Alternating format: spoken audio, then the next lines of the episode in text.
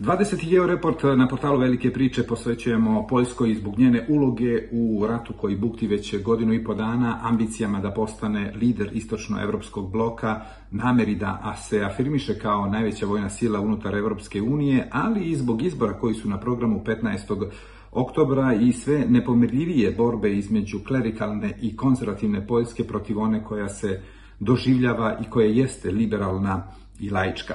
E, takođe u fokusu je i borba Poljakinja da odbrane svoje civilizacijsko pravo na abortus, odnosno da svaka žena može da raspolaže sa svojim telom onako kako ona misli da je najbolje za nju. Krenimo redom, od uvoda u poljsku priču, odnosno da pokušamo da objasnimo dinamike koje oblikuju današnje poljsko društvo. E, nema priče o Poljskoj bez Nemačke, odnosno Prusije i Rusije. E, Prusi i Rusi naravno i Nemci kasnije, su delili Poljsku više puta u poslednje dva i po veka, od Katarine Velike i Fridriha Velikog preko Taurogenske konvencije do sporazuma Ribbentrop-Molotov, a neki bi rekli i do izgradnje uh, Severnog toka 1 i Severnog toka 2. Otac nacije Josef Pilsudski je govorio da je Poljska u sendiču između nemačkog ekspanzionizma i ruskog imperializma.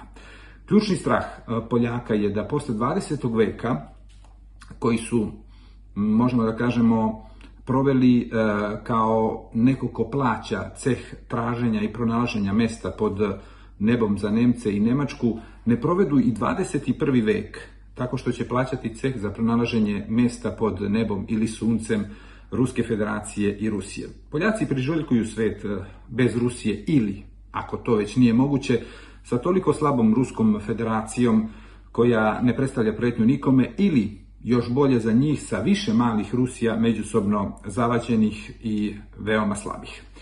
Režim Jaroslava Kačinskog e, pokušava da izglanca predstavu o Poljskoj e, kao nekoj vrsti evropskog Isusa Hrista, odnosno Isusa Hrista među narodima, jer između dva velika hegemonska suseda Poljska je ipak uspela da opstane. Poljska istorija ipak nije tako bezgrešna kako bi njeni lideri hteli da je predstave i nije tako neuprljana kakvom je oni često prezentuju. E, zaboravlja se da je Poljska potpisala pakt sa Hitlerovom Nemačkom o nenapadanju kada su već uveliko trajali progoni jevreja u nacističkoj Nemačkoj i da su učestvovali na kraju krajeva zajedno sa nacistima i sa mađarskim fašistima u komadanju Čehoslovačke 1938. godine. Otac nacije koga smo već pomenuli, Pisutski je i kreator rečenice Poljska ili je velika ili je nema. Više manje ta rečenica je puno puta izgovorana i od strane ruskih nacionalista, samo što oni nju počinju sa imenom Rusija, a ne Poljska. Ta rečenica je takođe e, bila korišćena i koristi se i danas od strane brojnih nacionalista širom planete. Za Poljake je svaka Rusija velika.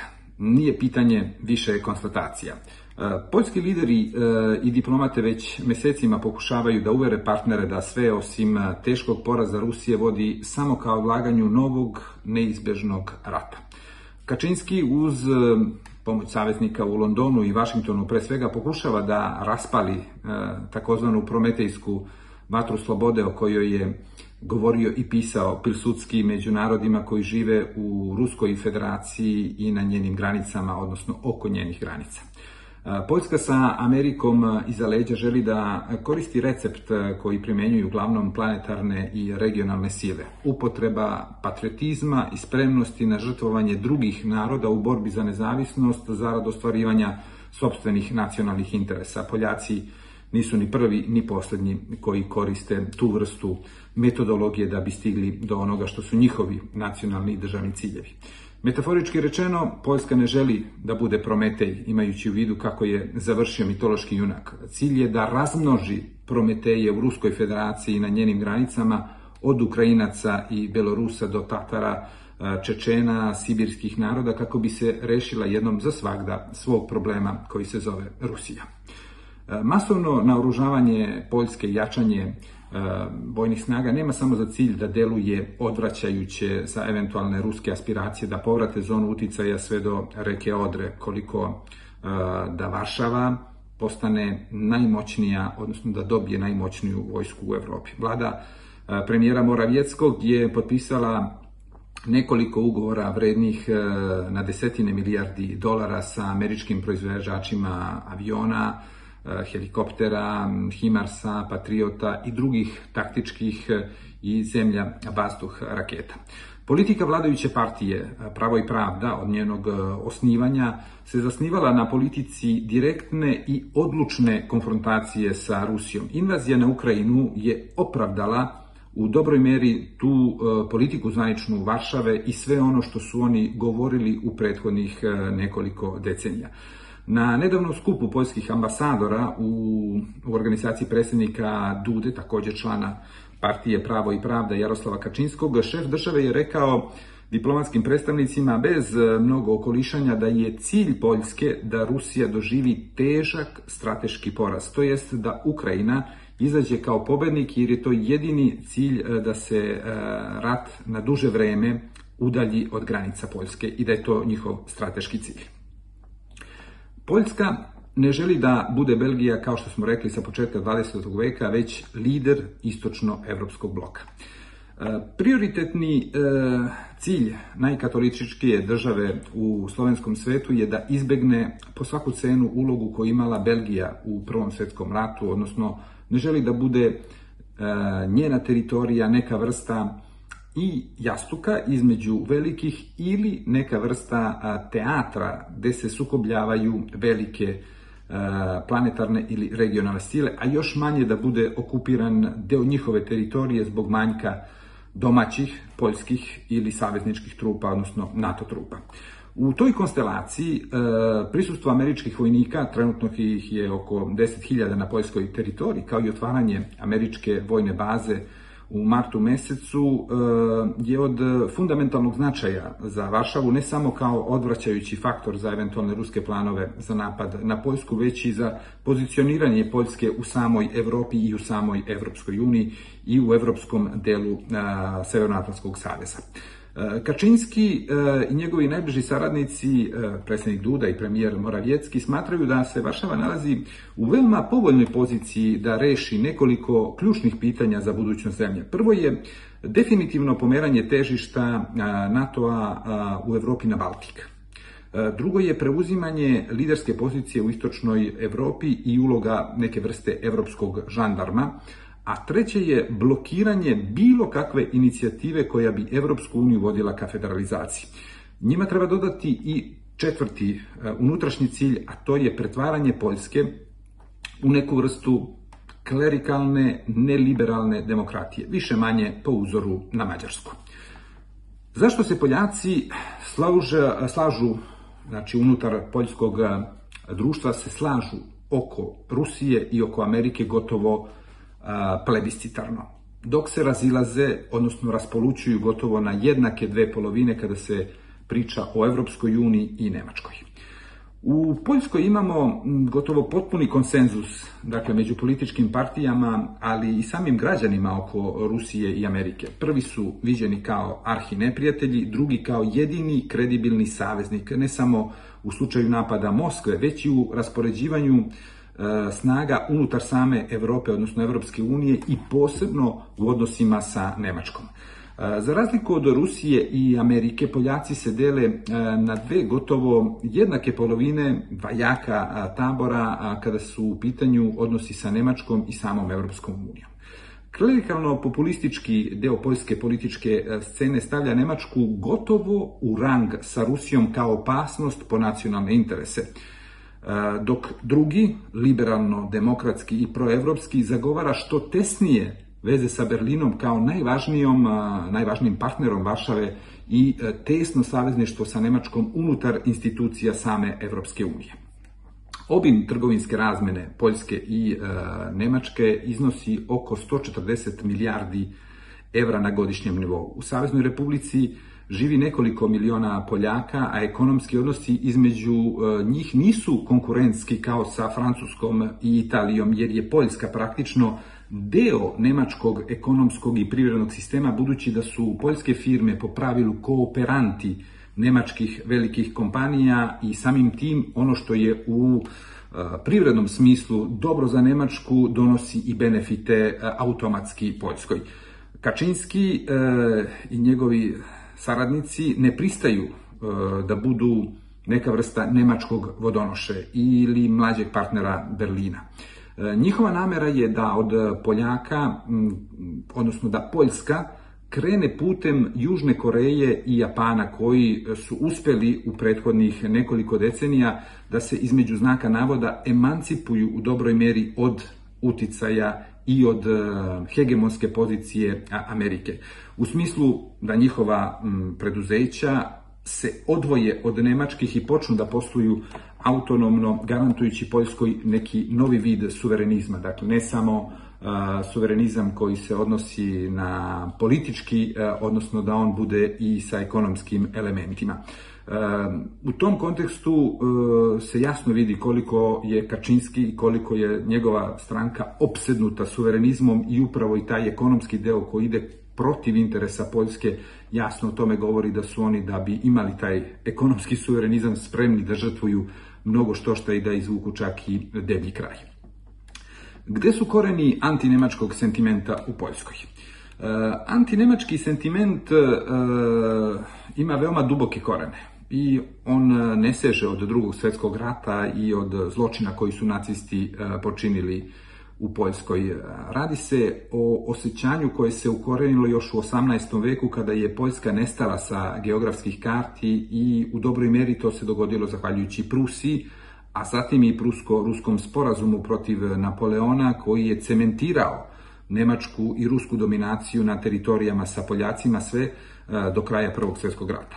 U Varšavi e, deo političkog establishmenta i dalje veruje čvrsto e, da Nemci igraju dvostruku igru i da samo čekaju povoljan moment da pokrenu ponovo e, svoje odnose sa Rusima koji bi otvorili i vrata ka eventualnom primirju i rasporedu novih snaga unutar starog kontinenta i koje bi na neki način odškrinulo vrata Moskvi da sutra u nekoj bližoj budućnosti uspe na neki način da obnovi odnose sa Evropskom unijom i ostatkom Evrope. E, Ulogi u igri je znatno povećan jer su e, ove godine predviđeni e, parlamentarni izbori i u toj optici treba tumačiti i zahteve poljskih klerikalaca Nemačkoj za ratnu odštetu iz drugog svjetskog rata koji su oni procenili na 1300 milijardi evra.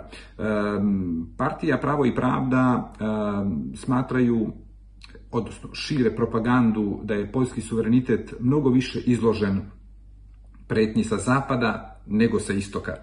I e, Kačinski e, se ne libi da prepričava e, germanofobične viceve u kojima su junaci dobri i naivni Poljaci, a s druge strane su zli i pokvareni Nemci.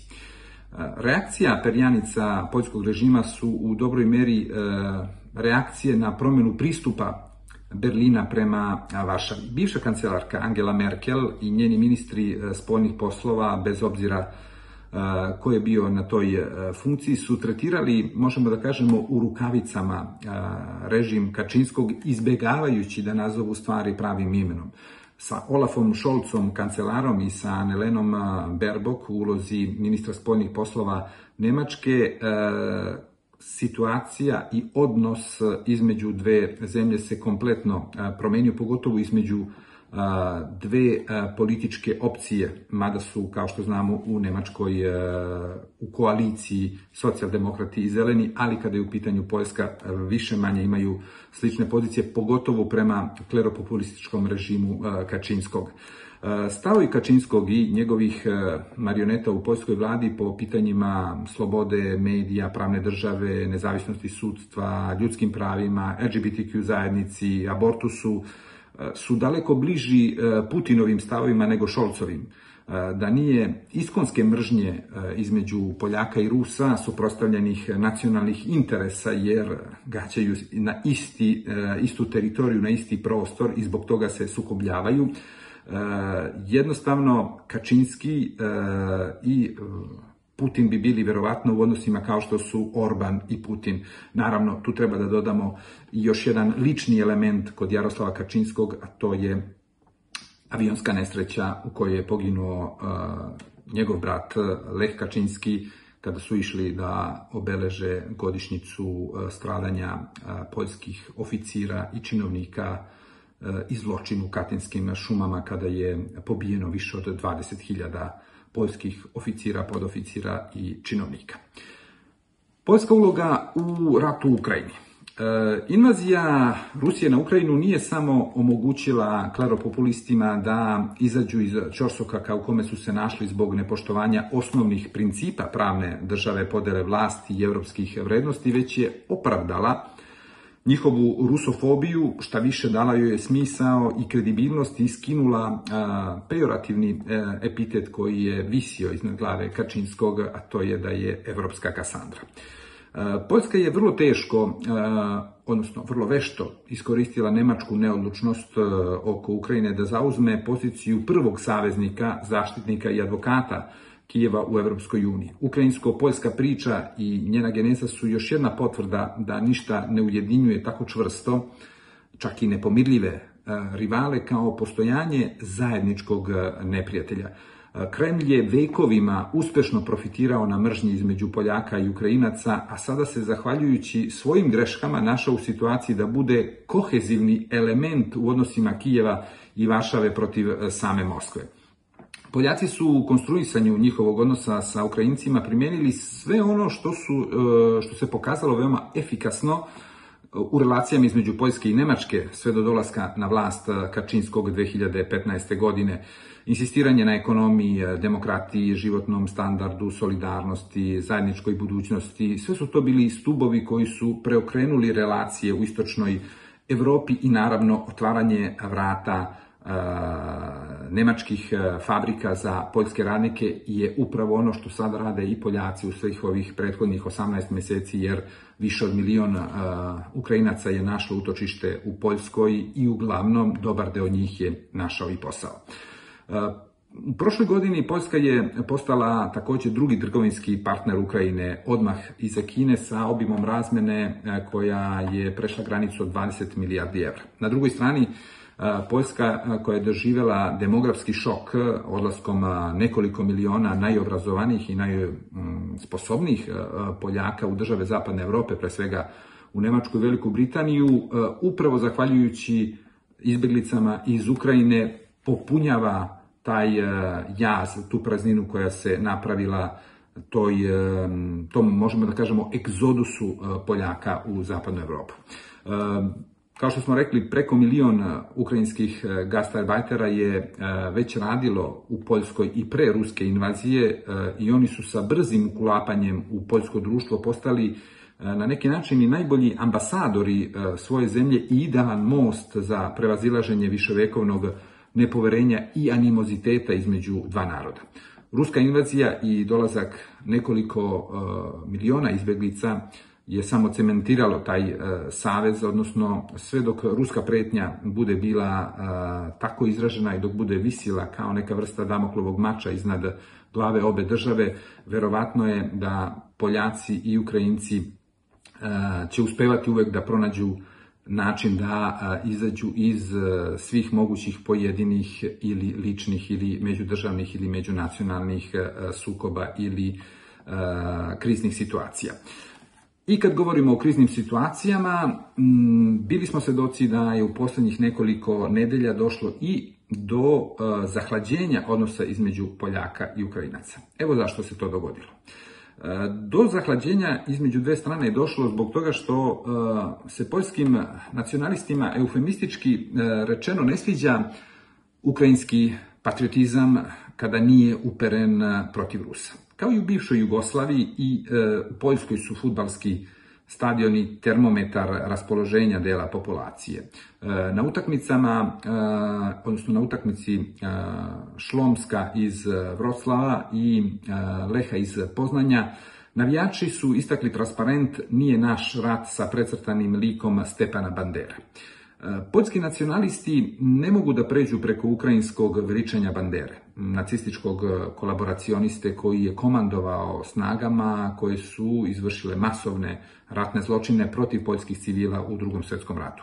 E, ta poruka je bila još upečatljivija jer je došla kao odgovor na pokušaj zvaničnika Ukrajine i Poljske da prevaziđu istorijske e, otvorene rane organizacijom zajedničkih komemoracija žrtava nacista i njihovih lokalnih saradnika.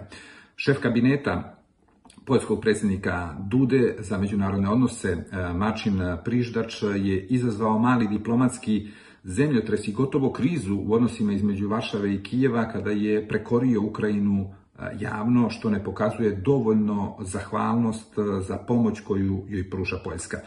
Istovremeno u prestonici na Visli i dalje sanjaju da bi uz Ukrajinu u svojoj sferi uticaja u budućnosti mogli i da ubace Belorusiju, odnosno da je istrgnu iz zagraja ruskog medveda. U tom smeru treba interpretirati e, poteze Vašave koji, koje pravi e, jasnu razliku između Rusije i Belorusije i drži e, jednostavno otvorena vrata za svog istočnog suseda, između ostalog i kroz davanje azila i utočišta brojnim beloruskim disidentima, jer veruju da u nekoj budućnosti koja nije tako daleko mogu da prevedu Belorusiju na svoju stranu kao što je to učinjeno sa Ukrajinom pogotovo u poslednjih godinu i po dana, odnosno od početka ruske invazije.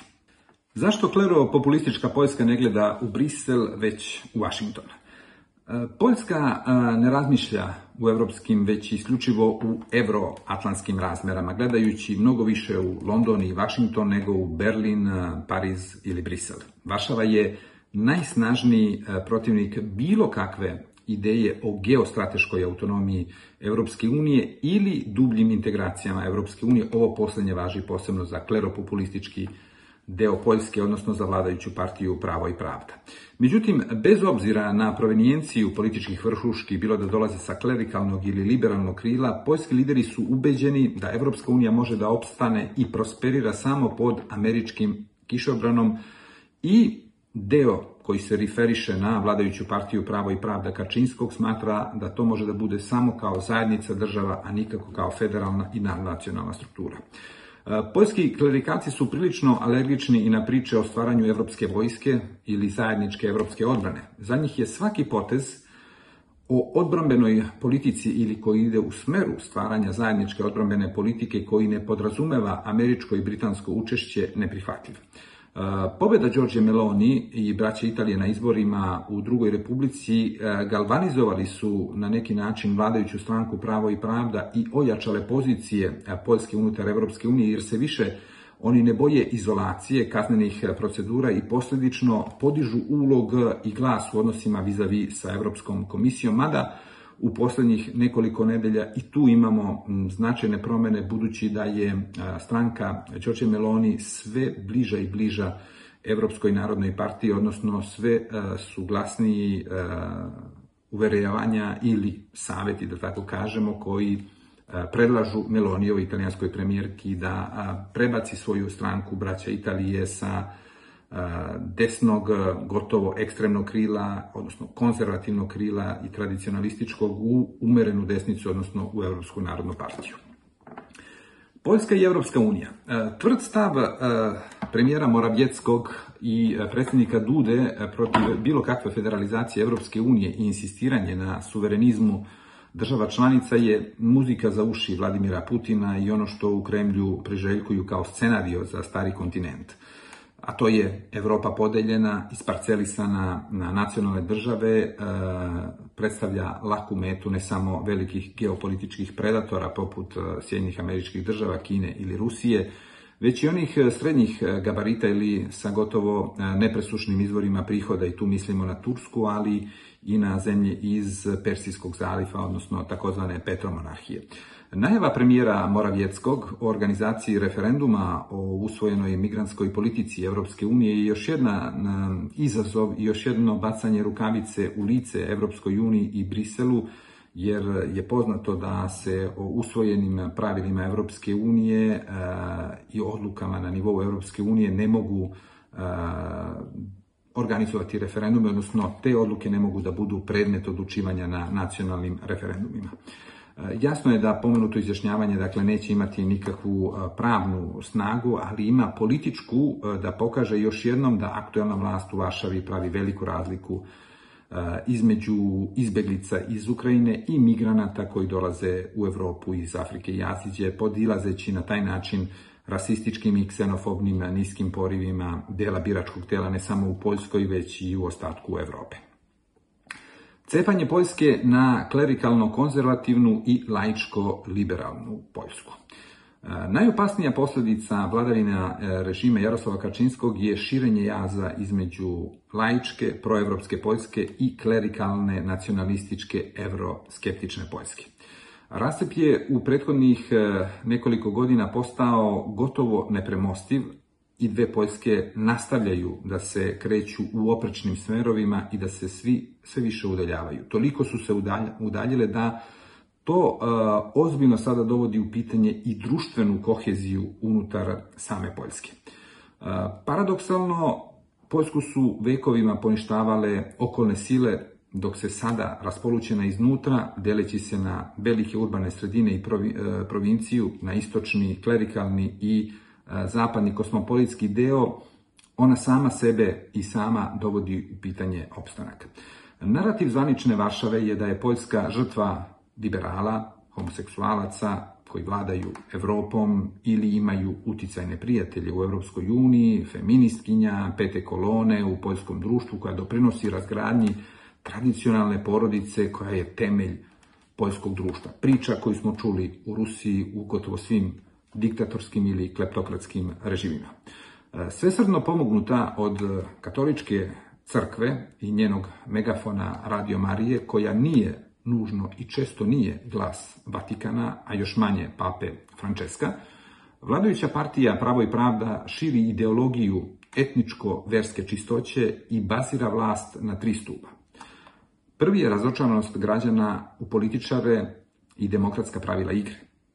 Drugi je propaganda da je potrebna efikasna stranka koja će ispunjavati obećanja i garantovati čvrsto liderstvo.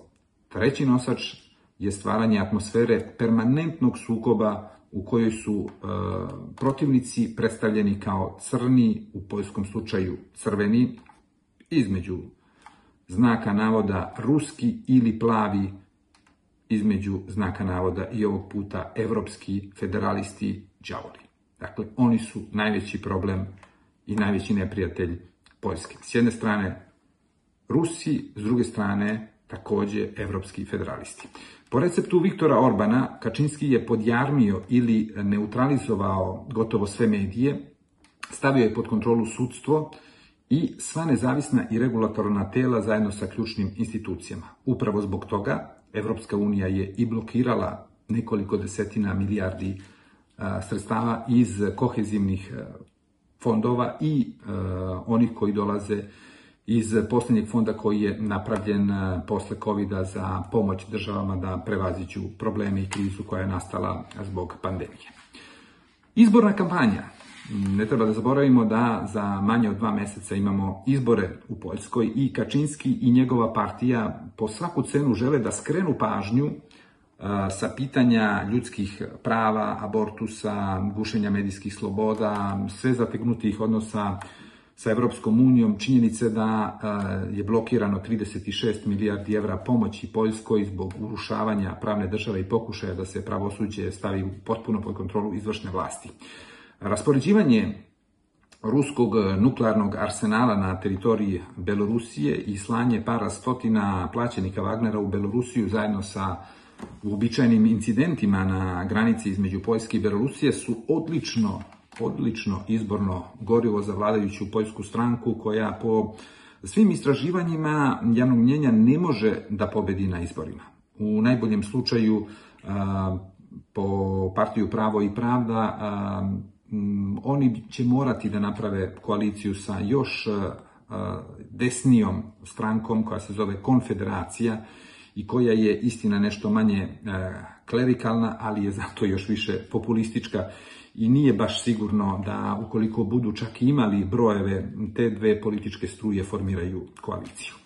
E, zloupotreba Rusije i Wagnera u izbornoj kampanji u Poljskoj. E, poljski strah od Rusije nije proizvod paranoje, već je posledica istorijskog iskustva i oko toga nema nikakve sumnje, dovoljno je poznavati malo e, razvoj i istoriju odnosa između Poljaka i Rusa. Držati Mosku na oku u poljskom slučaju je obaveza, ali to ne znači da aktuelni režim e, ne zloupotrebljava datu situaciju da mobiliše svoje biračko telo šireći psihozu od prisustva par stotina Wagnerovca u Belorusiji i pretvarajući to kao znak da će Poljska biti predmet napada ili da će Rusija izvršiti invaziju na Poljsku. Američki zvaničnici kao i pripadnici obaveštajnih službi preko svojih kanala isključuju apsolutno mogućnost bilo kakve ruske invazije na Poljsku preko Belorusije. Naravno, to ne znači da, da Moskva nema svoje ciljeve i da ne bi mogla da pokuša da destabilizuje vlast u Varšavi, samo što bi takvim akcijama bila više izložena da je na vlasti proevropska vlada Donalda Tuska nego kleropopulistička Kačinskog koja, kao što smo rekli, je po gotovo svim svetonazornim pitanjima mnogo bliža Putinu i Moskvi nego što je Šolcu i Nemačkoj ili Evropskoj uniji ili Francuskoj i Makronu. Ulje na vatru e, je naravno dolio i ruski predsednik Vladimir Putin svojim e, uobičajenim, sada već možemo da kažemo, kreativnim i selektivnim tumačenjem e, istorije po principu švedskog stola. Ruski predsednik je podsjetio Poljake da im je Stalin poklonio današnje zapadne pokrajine koje su istorijski bile Nemačke, što je istina. Putin nije rekao dakle ništa što nije tačno, ali je zaboravio da navede da je e, Poljskoj oduzeto mnogo više teritorije na istoku nego što je dobila na zapadu. U drugi svetski rat e, Poljska je ušla sa 386.000 kvadratnih kilometara, a izašla je sa nešto malo više od 300.000 kvadratnih kilometara. I e, koji je bio najveći dobitnik tog smanjenja poljske teritorije? Pa upravo Sovjetski savez upravo republike e, bivše e, Sovjetskog saveza kao što su Litvanija, Belorusija i Ukrajina. Ako bismo baš hteli e, da idemo i do kraja istočne granice Poljske je nacrtao još 1919. godine engleski šef diplomatije George Curzon, ali Poljaci u zanosu obnavljanja državnosti posle 125 godina nisu hteli e, da prihvate taj e, predlog i dve i po decene, decenije kasnije e, Stalin je na vrlo prepreden način u Potsdamu servirao jednostavno Englezima i Amerikancima argumente Kerzona za određivanje istočnih granica Poljske na koje oni nisu mogli da imaju primetbe budući da su upravo oni se zalagali za njih samo 25 godina ranije. Koliko je opasan e, koridor e, Suvalki? E, u javnom diskursu je ponovo isplivao koridor Suvalki, odnosno reč je o 65 km linije koja razdvaja Belorusiju od Kaljiningradske enklave na Baltičkom moru. Ruku na srce, mnogo više od Poljaka koridor Suvalki predstavlja opasnost da pribaltičke republike Litvaniju, Letoniju i Estoniju, budući da bi one bile kopneno odcepljene i odvojene od ostatka EU i NATO i samim tim u, ne meno u teorima i u praksi veoma laka plen za Rusiju. E, Ukrajina je pokazala da možda je i to mnogo više u teoriji nego u praksi, jer upravo smo na ukrajinskom primjeru imali e, dobru indikaciju koliko ozbiljno organizovana vojska, motivisan narod i motivisana vojska mogu da budu tvrdovrah za ruske snage i odbrana tri pribaltičke zemlje bi bila svakako mnogo snažnija i efikasnija kako od domaćih, tako i od NATO snaga u slučaju ruske invazije. U svakom slučaju, ulazak Finske i Švedske u NATO je dodatno osigurao poziciju Talina, Rige i, i Vilnusa. Poljska, Litvanija i Letonija su mm, umeđu vremenu već e, učinile gotovo neprolaznim granice prema Belorusiji. Poljaci su podigli barijere za otkrivanje ilegalnih e, emigranata koje su visoke i do 5 metara.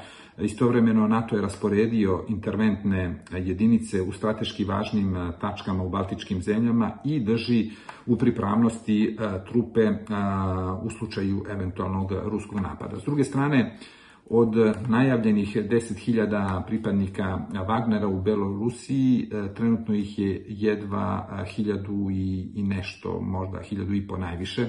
I oni se uglavnom bave obukom beloruskih specijalnih jedinica, mnogo više su dakle koncentrisani na obračun sa domaćim opozicionim pokretima nego za frontalni hibridni rat sa Poljskom I jedan od motiva zašto je Lukašenko i pozvao Wagner i dao im gostoprimstvo je upravo zato što on preko Wagnera želi da učvrsti svoju vlast i eventualno budući prenos vlasti sa njega na, na sina. Koridor Suvalki e, naravno budi nesrećna istorijska poređenja iz prethodnog veka, jer ne zaboravimo da je formalno drugi svetski rat počeo zbog koridora između Nemačke i Istočne Prusije i tanjašnjeg Königsberga, odnosno današnjeg Kaliningrada i da je između e, istočne Prusije i tadašnje e, nacističke Nemačke stajala upravo Poljska i Gdansk, kao što danas e, Rusija stoji između Kaliningradske enklave zajedno sa Litvanijom i Rusije. Zašto su kleropopulisti izgubili četvrtinu podrške u biračkom telu Poljske? E, problem za Kačinskog i njegovu ekipu iz e, partije Pravo i Pravda je što njihova suverenistička, antievropska i egoistična kampanja je bila toliko uspešna da više od polovine Poljaka smatra da je njihova e, zemlja već dala dovoljno kada je u pitanju pomoć Ukrajini i da ne bi trebala više da pomaže svom istočnom susedu, a kamoli da se žrtvuje zbog Ukrajine. Gotovo dve trećine se protivi da ukrajinske izbjeglice imaju ravnopravan pristup socijalnim davanjima sa domicijalnim stanovništvom, a tek svaki četvrti Poljak smatra da Varšava treba da stoji uz Kijev bez ako i bez ali i da nastavi da u potpunosti podržava Ukrajinu. Takođe, dobar deo, mm, odnosno pomenuti e, podaci, dakle, e, bacaju, možemo da kažemo, mm, novo svetlo na rigidnu poziciju Poljske oko izvoza ukrajinskih e, žitarica u članice Evropske unije i ta zabrana ističe polovinom septembra i Poljaci svesrdno rade na tome da ona bude produžena tim pre što su parlamentarni izbori zakazani za 15. oktobar i to pokazuje koliko nema sreće sa suverenistima, nema sreće sa nacionalistima, jer oni čim se dotaknu njihovi a, lokalni, odnosno nacionalni interesi automatski menjaju ne samo retoriku i ponašanje i od prijatelja postaju neprijatelji. Dakle, jednostavno, kada imamo savez nacionalističkih ili suverenističkih država, pre ili kasnije između njih dolazi do sukoba I nije slučajno da je François Mitterrand u svom posljednjem govoru u Europskom parlamentu upozorio sve evropljane da nacionalizam vodi pravo u rat. Dobar deo glasova koje je partija Pravo i Pravda izgubila u poslednje četiri godine, a govorimo o gotovo četvrtini jer su pali sa 44-45% glasova na 33-34, je otišla u ruke konfederacije. E, to je partija radikalne desnice koja se razlikuje od e, partije Pravo i Pravda po tome što nije klerikalna i što nije toliko anti-ruska e, i što, nije, i što je izuzetno anti-ukrajinska.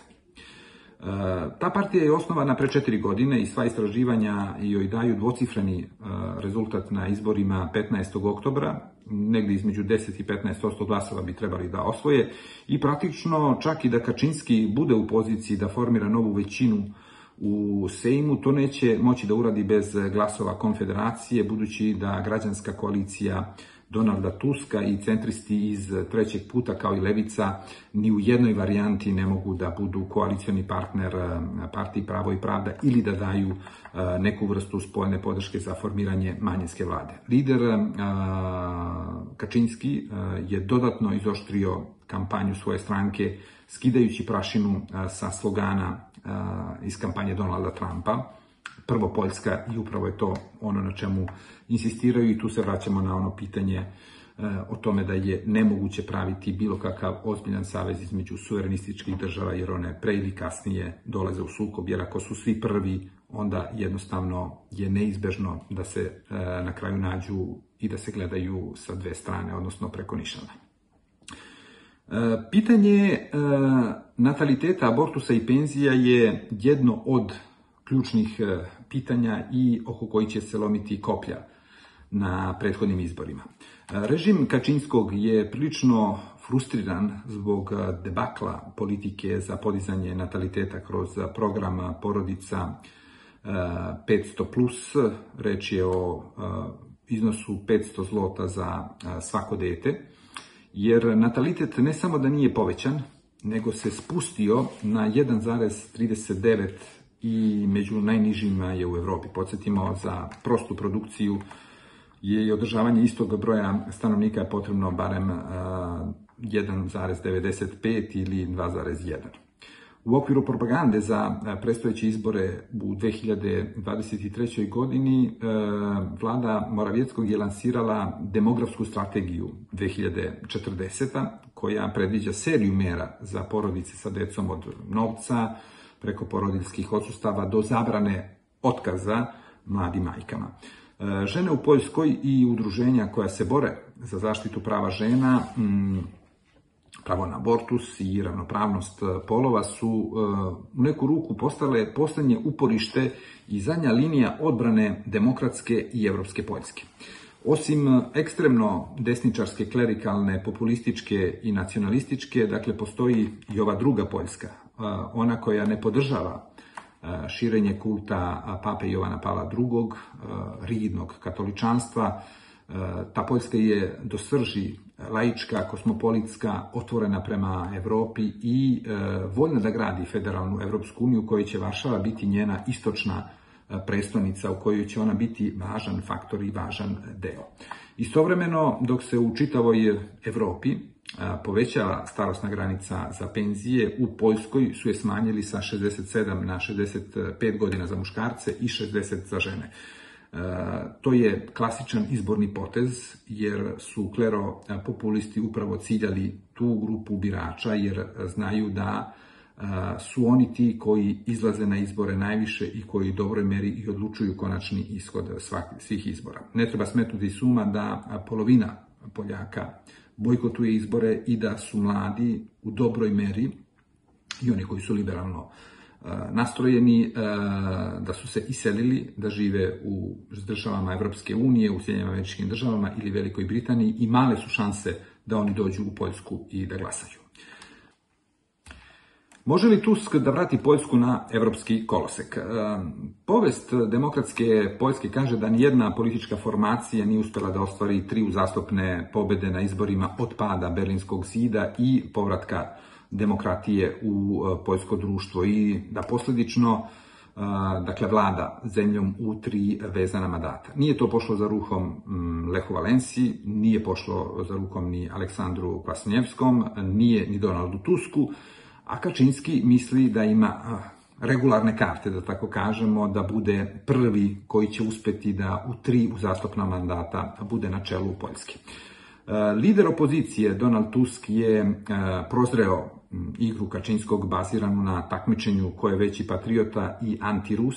Nije slučajno da režim pokušava da prikaže Tuska kao ruskog trojanskog e, konja, optužujući ga da je uništio poljsku vojsku i da nije bilo partije Pravo i Pravda, Wagnerovci bi imali otvoreni put do Varšave, da je ostala doktrina i da je vojska ostala na onom nivou dok je Donald Tusk bio na čelu poljske vlade. Bivši čelnik Evropske unije, posjetimo Tusk je bio predsjednik Evropskog saveta, zatim i lider Evropske narodne partije, e, strpljivo i veoma efikasno pobija tačku po tačku te fabrikovane optužbe vladajućeg režima, počev od instrumentalizacije e, pretnje ruskom e, agresijom e, na Poljsku. Takođe, Tusk je mm, ocrnjen i predstavljen ne samo kao ruski čovek i ruski trojanski konj od strane partije Pravo i Pravda, već i kao neko ko izvršava nemačke naredbe i ko radi u korist nemačke industrije, nemačke poslovne imperije i koji je spreman da žrtvuje Poljsku i da od nje pretvori, e, odnosno da je pretvori u neku vrstu kolonije nemačke privrede. E, Tuskov, e, možemo da kažemo, delimični neuspeh je što nije uspeo da objedini celu opoziciju, odnosno da od tri kolone, a to je njegova građanska koalicija, treći put i levica napravi jednu pobedničku protiv kleropopulista i nacionalista. Ipak, vođa građanske koalicije e, nastavlja da drži fokus na pitanjima koji su zaista suštinski važni za budućnost Poljske, a to su pravna država, ljudska prava i odnosi sa Evropskom unijom. U poslednjih par nedelja e, vodeća opozicijona koalicija se približila e, dodatno vladajućem, vladajućoj stranci Pravo i pravda, što je izazvalo nervozu veoma vidnu u okruženju Kačinskog i Eh, velika manifestacija eh, pod nazivom Šetnja milion srca koja je zakazana za 1. oktobar po uzoru na onu organizovanu 4. juna koja je bila veoma uspešna eh, je proizvela dodatnu zategnutost u odnosima i podigla je temperaturu u samoj izbornoj kampanji jer je svima jasno da bi uspeh, novi uspeh te manifestacije 1. oktobra, samo dve nedelje pre održavanja izbora u Poljskoj e, mogla da bude lansirna e, rampa za pobedu tri opozicione formacije i povratak Poljske u, možemo da kažemo, slikovito grudi Evropske unije i da postane njen deo. Upravo o Evropskoj uniji ćemo pričati i u sledećem e, georeportu, budući da imamo u programu analizu priprema za izbornu kampanju za Evropski parlament, koja će početi u proleće sledeće godine jer su izbori e, zakazani sledećeg proleća i fokus će biti upravo na pregrupisavanju unutar e, porodice partija desnog centra i desnice jer tu imamo najviše novih detalja i ključna partija će se izgleda igrati upravo oko toga kojem će se carstvu privoleti Đorđa Meloni, premijerka Italije i liderka partije Braća Italije. Do sledećeg slušanja i gledanja.